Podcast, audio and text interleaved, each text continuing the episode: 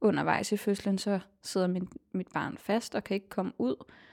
Så jeg bliver hentet med ambulance og får sugekop.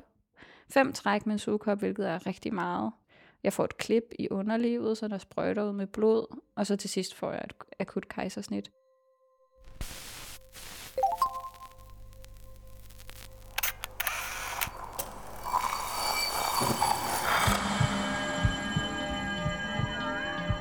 Vi ser os i spejlet hver dag.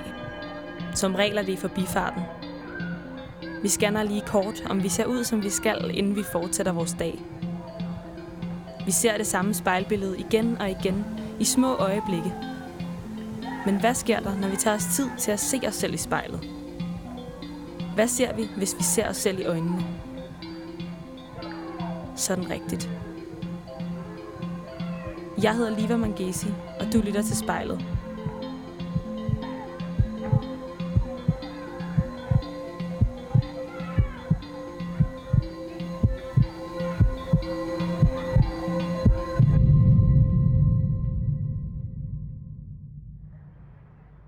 Der er sådan en blanding af virkelig meget trafikstøj, og så sådan fuglefløjt her, hvor jeg står lige i udkanten af assistenskirkegården på Nørrebro i København. Jeg er på vej over til Najesta, som er 26 år gammel og mor til en datter på et år. Og jeg ved, at for Najesta, der føles det lidt som om, hun sådan er vågnet op efter at have været på et års fuldstændig survival mode, hvor alting bare handlede om at komme igennem hver dag, igennem hverdagen, som ny forælder. Men Nadjesta, hun har også mistet sin egen mor. Så den der kvinde, man måske ellers ville sådan kigge over til for råd og for omsorg, når man selv står der, sådan helt sprød og sårbar som mor for første gang, ja, den har hun ikke haft. Så hvordan er det at blive mor, når man har mistet sin egen mor? Det skal det handle om foran spejlet i dag, når jeg besøger Nadjesta her på Nørrebro. Min mor døde, da jeg lige var fyldt 19 år, og nu er jeg selv blevet mor. Jeg hedder Nadjesta. Jeg ser mig selv i spejlet.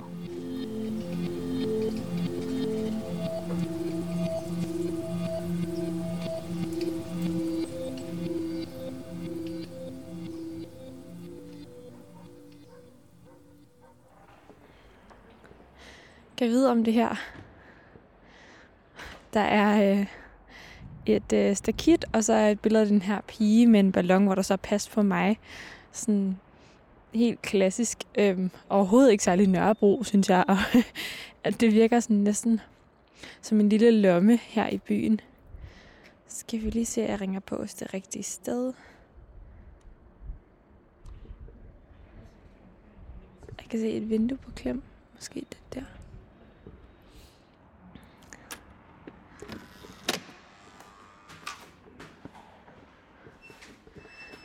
Hej Nadjesta, hej. Ej, hvor dejligt, at du bor i stuen. Ja. det er jo dejligt nemt. Ej, jeg kan lige smide mine her. Fedt. Det er sådan en vane, vi tog med hjem fra Japan og stille skoene udenfor. Er der sådan en særlig betydning i at gøre det? Men jeg ved ikke, om det er en særlig betydning, men det gør man alle steder der. Det er ret fint, altså også når man går på café eller alle steder i det offentlige rum, så, eller i, hvis man skal ind og besøge et tempel, så står alle skoene udenfor, og så har de sådan nogle skohylder. Og hvem har du været i Japan med? Med min kæreste for nogle år siden. Og så efter vi kom hjem fra Japan, så kom vi direkte hjem til den her lejlighed, hvor vi så ligesom skulle flytte sammen. Så stillede vi skoene udenfor. Og vil du ikke uh, vise mig lidt rundt i den her lejlighed, hvor I bor sammen? Jo. Øhm, du kom ind i entréen, og nu er vi gået ind i spisestuen her.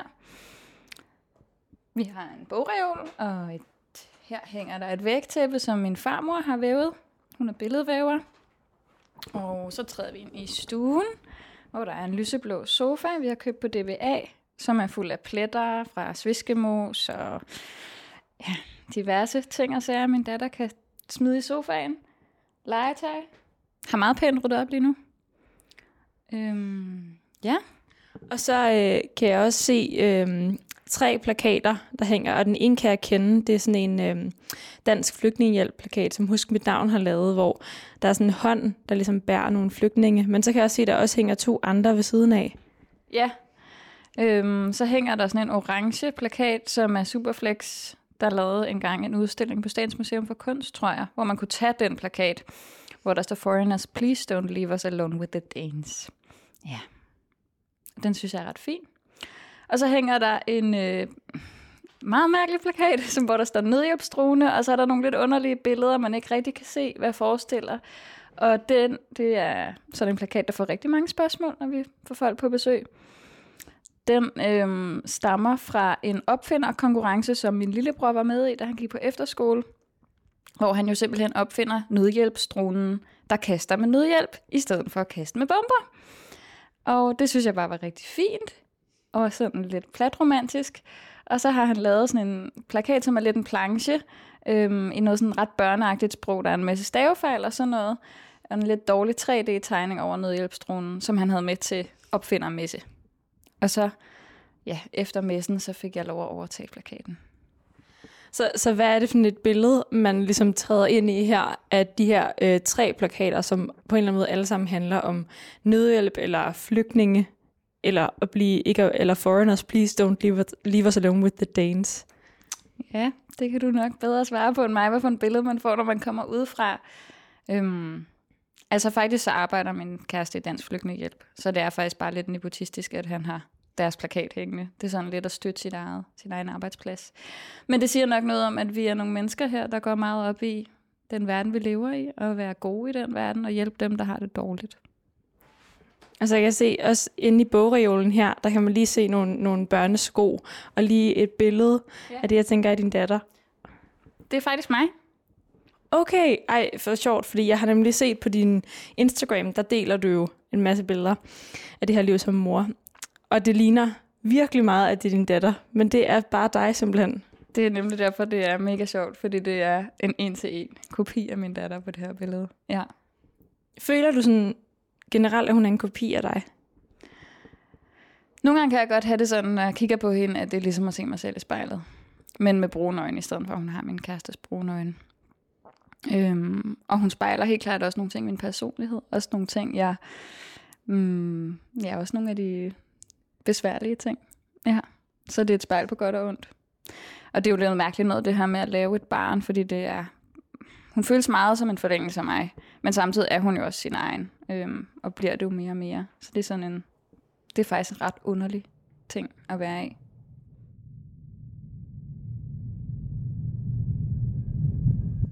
Jeg hedder Nadjesta, og jeg ser mig selv i spejlet.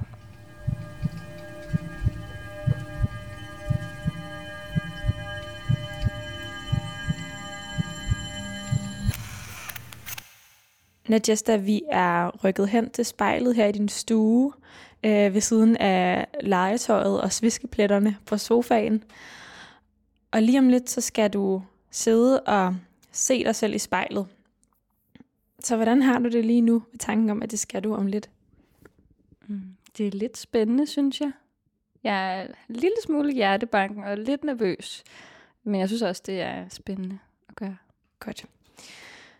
Så må du faktisk gerne bare lige øh, sætte dig lidt til rette, og så lukke øjnene.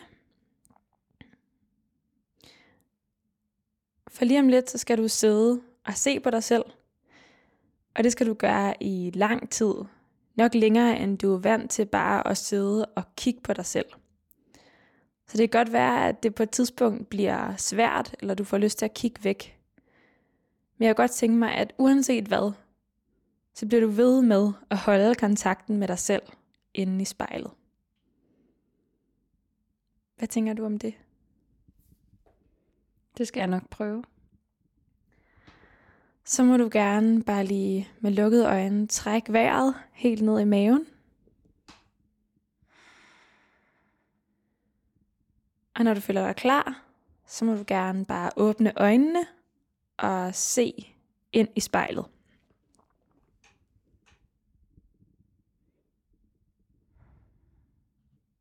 Hvem er det, du møder lige nu i spejlet?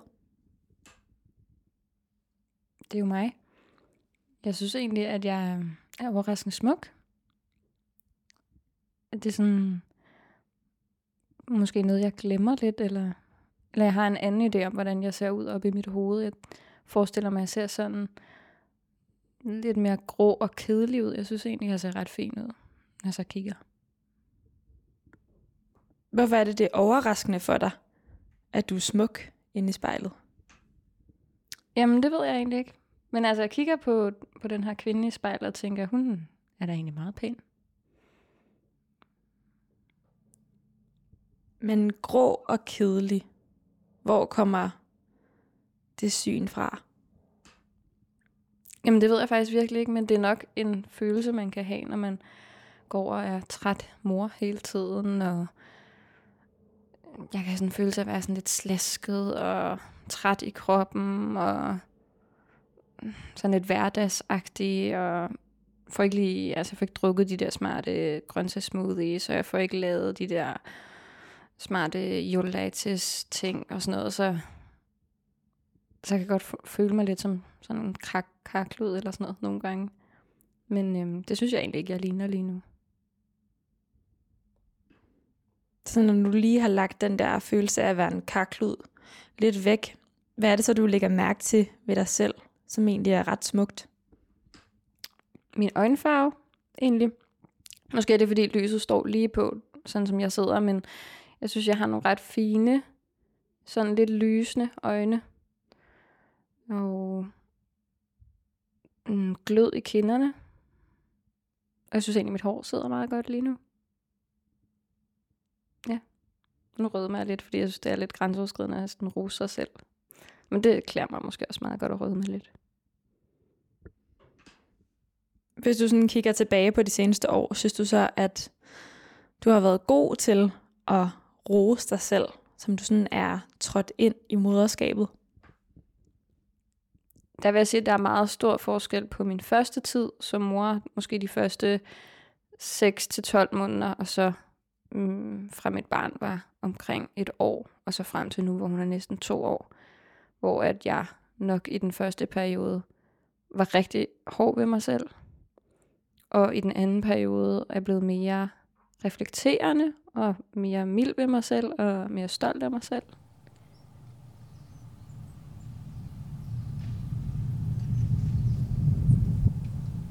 Mit navn er Anna Jester. Lige nu sidder jeg og ser mig selv i spejlet.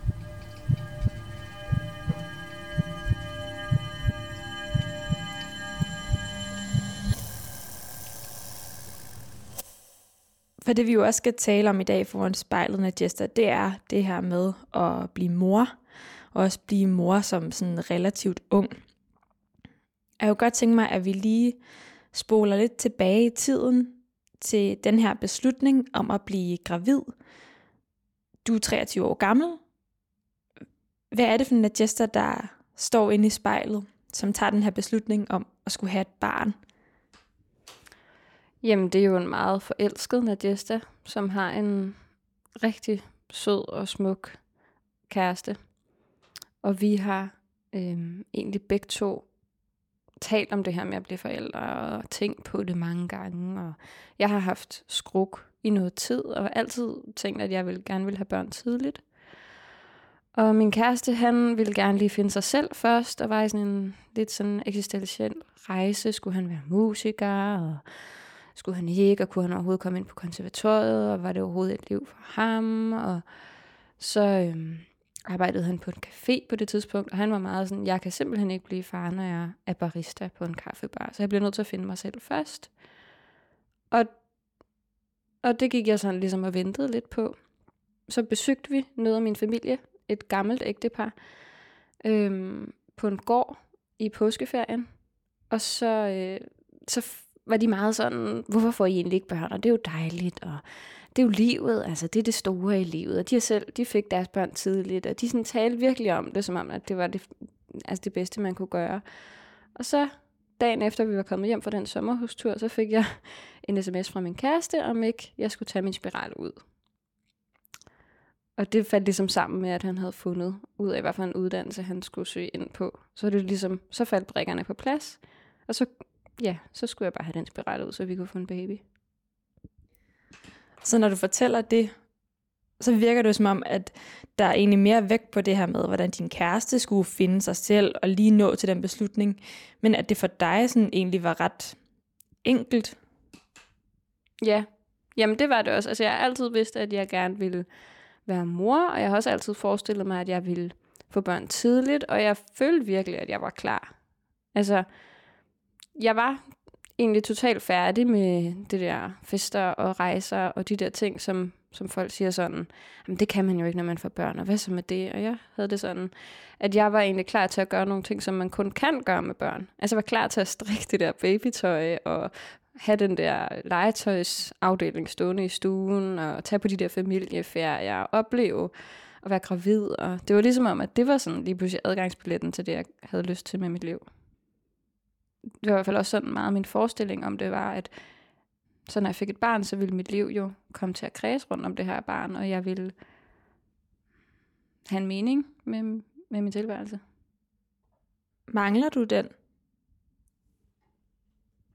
Jeg tror altid, at jeg har været sådan lidt en restløs person, som har søgt meget efter, mm, hvad skal jeg med mit liv, og skal jeg lave det her projekt, og om giver det mening for mig, og altså sådan tænker rigtig meget over tingene, og kan godt nogle gange også gå lidt sådan i eksistentiel hård knude. For eksempel hvis jeg er alene med mig selv for mange dage i træk, så kan jeg blive sådan lidt underlig op i hovedet, og om der er heller ikke nogen mening med det hele, og kapitalismen er også helt fucked, og så tænker jeg altså nogle tanker. Og det var det ligesom om, at måske et barn kunne fylde lidt af den der uro ud. Og så bliver du gravid, og du føder en lille pige på Rigshospitalet. Og hvilke følelser ankommer så med hende? Ja, det er, jo, det er jo svært at tale om, uden at tale om fødslen, fordi den gik helt anderledes, end vi havde planlagt, og det var en meget voldsom og meget smertefuld fødsel, som ender med et akut kejsersnit, øhm, som jo for mig oplevede som, at jeg faktisk ikke kunne føde. Og øhm, det var en meget stor kontrast til, at vi sådan havde planlagt en naturlig hjemmefødsel, hvor jeg havde alt muligt der om, at jeg skulle føde i vand, og jeg skulle selv tage imod min datter, og jeg skulle i hvert fald ikke have noget smertestillende, og jeg har gået til en hel masse yoga og fødselsforberedelse, og jeg har læst bøger om fødsler, og jeg har siddet hver aften i øh, månederne op til fødslen og øvet vejrtrækningsøvelser, så jeg ligesom var helt klar på at føde. Og, og ja, undervejs i fødslen, så sidder min, mit barn fast og kan ikke komme ud, så jeg bliver hentet med ambulance og får sugekop, som er voldsomt og smertefuldt, og jeg får fem træk med en sugekop, hvilket er rigtig meget. Jeg får et klip i underlivet, så der sprøjter ud med blod, og så til sidst får jeg et akut kejsersnit. Så lige efter øh, fødslen, der var vi jo bare selvfølgelig rigtig lykkelige for, at vi havde fået, fået et sundt og rask barn, som havde det godt, da hun kom ud. Men vi var også, både mig og min kæreste, ked af det og overvældet og ja, totalt i chok.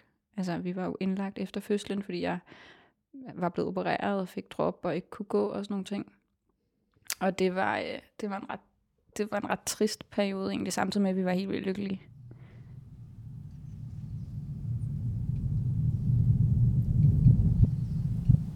Da jeg fik akut kejsersnit, mistede jeg troen på mig selv som mor. Jeg ser mig selv i spejlet. Mit navn er Nadjesta.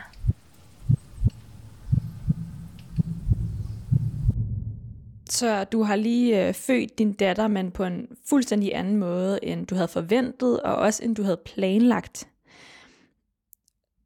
Hvad er det, der ankommer sammen med din datter på den her turbulente måde?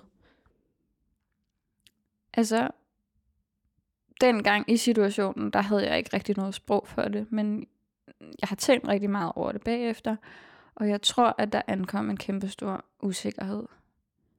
I forvejen så havde, altså så er det at blive mor jo noget, man aldrig har prøvet før, og det er sindssygt at have et spædbarn, og man aner ikke, hvordan man gør ting. Men så ligesom at starte ud med at føle, at jeg ikke kunne føde hende, tror jeg gjorde, at jeg grundlæggende mistet troen på min egen intuition, eller sådan evne til at vide, hvad der var bedst i sidste ende. Fordi det, det havde vi jo ikke vidst med fødslen. Der var jo nødt til at være nogle andre, der kom og sagde, nu gør vi sådan og sådan, og nu skærer vi din mave op for at få hende ud, fordi det der, det kan du ikke rigtig, det går jo ikke. Øhm. Det blev sådan meget konkret med sådan nogle ting som, jamen altså, hvordan skal vi trøste hende? Den her måde virker ikke, den her måde virker heller ikke. Og så den der sådan grundlæggende tvivl, i stedet for bare at sige, nu insisterer vi på, at det er det her, vi gør, det er det, der fungerer for os. Så, så vi var i tvivl om alting. Altså, skal hun have sut? Og så måtte man så læse på Google, hvem siger, at det er en god idé med sut, hvem siger, at det er en dårlig idé med sut, og hvad er deres argumenter og sådan noget. Så det blev sådan en meget, vi brugte rigtig meget tid på at være i tvivl om alting. Så du dig selv i spejlet? Sådan lige efter den her fødsel? Nej, jeg, jeg så først mig selv i spejlet, da mit barn var omkring 4-5 måneder gammel. Og der gik det op for mig, at jeg ikke havde kigget mig selv i spejlet. Altså 4-5 måneder. Det er jo lang tid ikke at kigge sig selv i spejlet, hvis man tænker på sådan en almindelig hverdag, hvor man måske lige fanger et glimt af sig selv, når man børster tænder, eller på vej ud af døren, eller lige lægger en makeup eller hvad det kunne være. Så, så, Nadia, så hvad er det, der sker, der gør, at du i så lang tid ikke ser dig selv i spejlet? Jamen, der sker det, at vi har en lille krævende pige, som græder meget og hænger på os, og vi er totalt trætte og smadret, og har bare mega travlt med at passe på hende. Så da jeg er, ja, det tror jeg, det er cirka fire og en halv måned efter fødslen, der kigger mine to bedste veninder på mig, de er på besøg, og så siger de, du ligner lort, og øhm, dit hår trænger virkelig til at blive klippet. Og jeg var sådan, ja, men jeg kan, altså, jeg kan ikke komme til frisøren. Det kan ikke lade sig gøre. Og så fik de ellers arrangeret det sådan, at den ene gik en tur med min datter i barnevognen, og den anden gik med mig ind til frisøren og blev klippet. Mega sødt. Og det var, altså der havde jeg virkelig fornemmelse der, da jeg sad og blev klippet og kiggede mig selv i spejlet hos frisøren. Sådan, gud, jeg bliver jo nødt til også at tage mig af mig selv og, og mit eget udseende, for jeg kan være en god mor, faktisk. For at have det godt. Hvis du sådan kunne, kunne løfte dig op fra barselssengen, og så kigge ned på dig selv, hvad er det så for en kvinde, for en mor, du ser? En, der trænger enormt meget til et kram. Og så er nogen siger, hun gør det godt. Og at det, det hele er okay. En, der trænger til et kram. Ja, det er meget stærkt sådan. Jeg husker den første periode som enormt sårbar, og at man bliver enormt glemt som nybagt mor, fordi alt handler om barnet, og folk kommer for at se barnet, og høre om, hvordan det går med barnet, og give barnet gaver. Og der sidder man med ar hen over maven, og kæmpe bind, og man bløder, og man har ondt i brysterne, og man er fuldstændig usikker på alt, og ens hjerte er blevet revet ud af kroppen. Det der barn, som man vil beskytte mod alt, og som jo altså, er i fare for alting lige pludselig. Hun kan falde ned ad trapperne, eller hun kan få noget i hovedet, eller hvad hvis hun har det forkerte tøj på, og hun får ørebetændelse. Altså, der er så mange bekymringer omkring det her lille væsen, som er kommet ud af ens krop. Og i det der, de der måneder, der, ham, der havde jeg i hvert fald bare rigtig meget brug for, at der var nogen, der, der så mig og, og gav mig øh, en tryghed, eller holdt et trygt rum for mig at være i.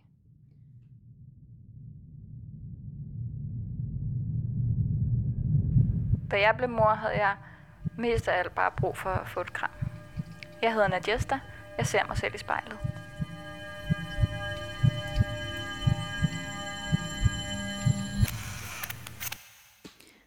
Nadjesta, vi sidder her hjemme hos dig i din lejlighed på Nørrebro, og du ser dig selv i spejlet.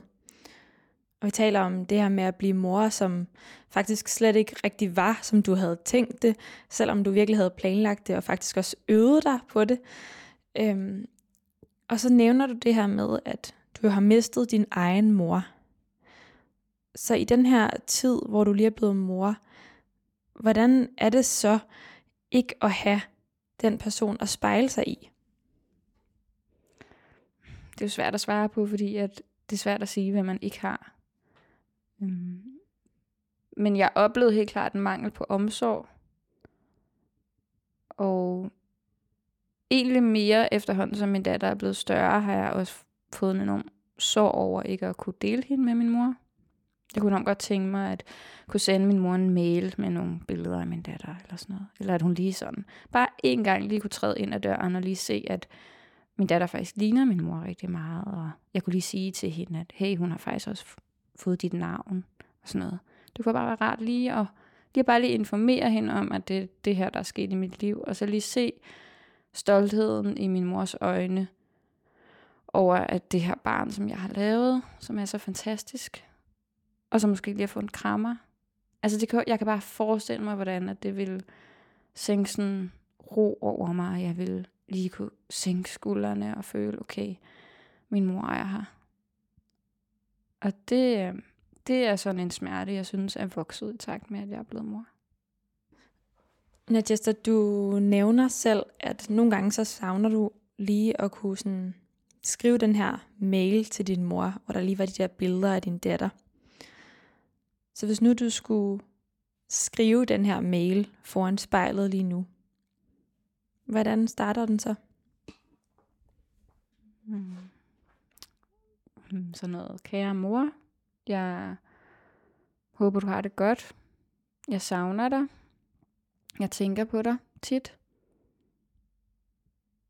Jeg har fået et barn, en pige, og hun,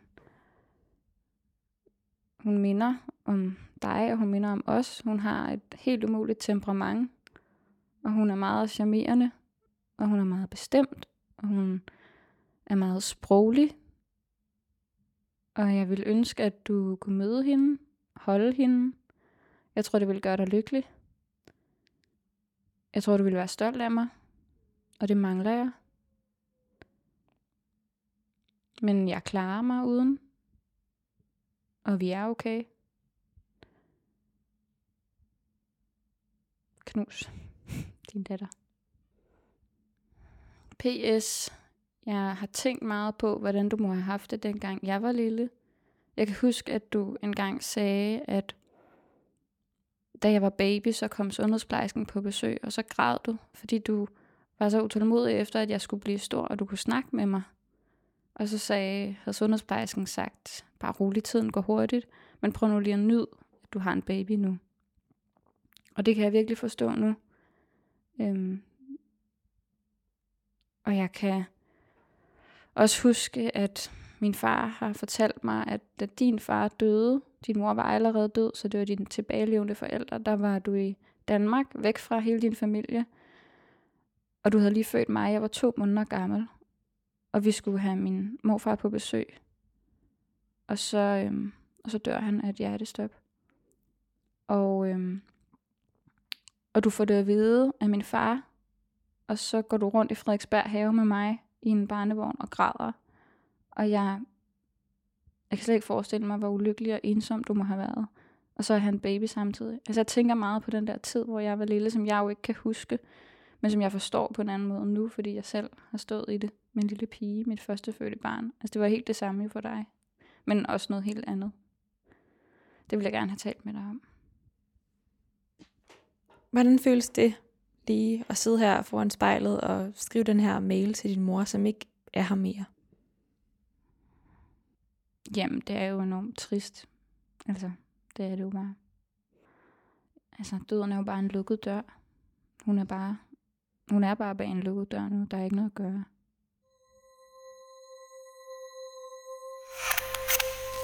Mit navn er Anna Jesta. Lige nu sidder jeg og ser mig selv i spejlet. Så nu har du siddet og set dig selv i spejlet, Jesta, og talt om det her med at blive mor. Og noget, jeg godt kunne tænke mig at vide, det er, når du ser dig selv ude i fremtiden, og det er ikke mor Nadjesta, men Nadjesta, hvad ser du så? Jeg har mange af den slags fantasier. Øhm, jeg ser mig selv lave nogle spændende projekter sammen med mennesker, der inspirerer mig, som jeg føler er meningsfulde og som gør en forskel, og som har en eller anden kunstnerisk, kreativ vinkel. Og være passioneret omkring mit arbejde. Det er ikke nødvendigvis noget, jeg tjener særlig mange penge på. Det er heller ikke, jeg forestiller mig heller ikke, at det er noget, jeg bruger sådan 50 timer om ugen på. Men, øh, men jeg forestiller mig, at det er noget, der, der inspirerer mig og løfter mig op og gør mig stolt og glad i min hverdag. Det er meget det, jeg fantaserer om. Og så forestiller jeg mig vores hus med et mega pænt køkken og vores egen en vaskemaskine og en have med vintergækker i og måske endda en brændeovn og kunst på væggene og en stor bogreol. Og så siger du det her med, at du fantaserer.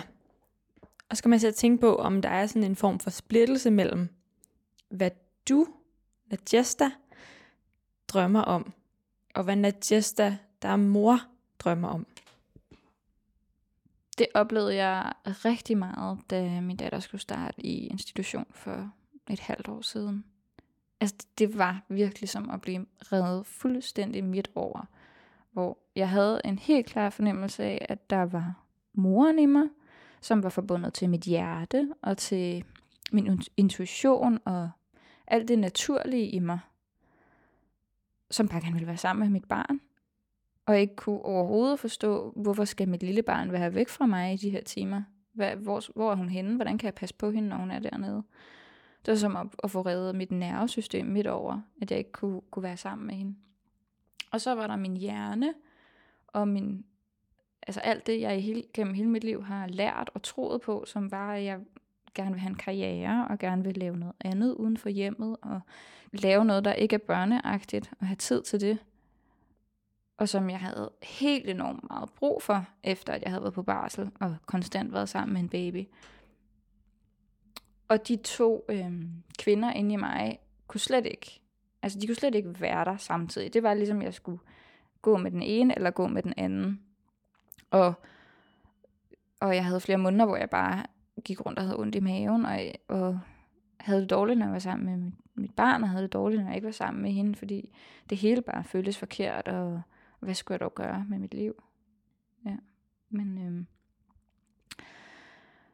så gik der noget tid, og jeg startede til noget terapi, øhm, efterfødselsterapi.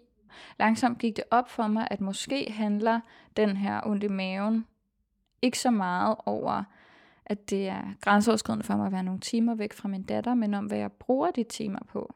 Og det gik op for mig, at på det tidspunkt brugte jeg dem på at være kommet tilbage til, til uni, og hver evig eneste gang, jeg skulle lave noget med uni, så blev jeg sur, og hver gang jeg åbnede for en pdf-fil, så faldt min nærmest, det var som om jeg faldt i søvn, eller sådan, jeg kunne ikke holde mine øjne åbne, og jeg kunne køre efter, jeg kunne ikke modtage, når jeg var til undervisning, jeg kunne ikke modtage det der information, og jeg blev så sur, og jeg blev træt af mig selv, og jeg kunne ikke forstå det, fordi hvad er der galt med mig? Og da jeg så begyndte at tænke, jamen hvad hvis det ikke var det, jeg skulle lave, når hun var i vuggestue? Altså hvad hvis jeg havde de timer, det er jo ikke særlig mange timer, fem og en halv time eller sådan noget, fire dage om ugen.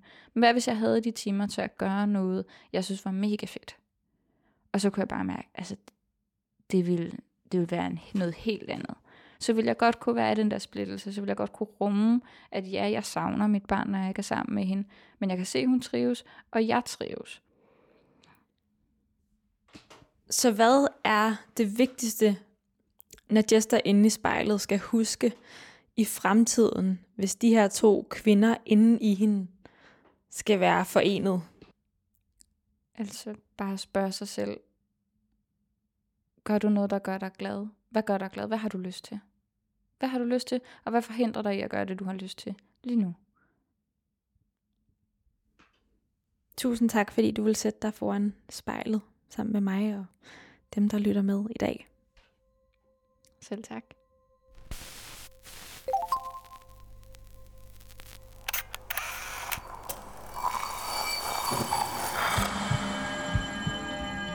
Du har lyttet til spejlet.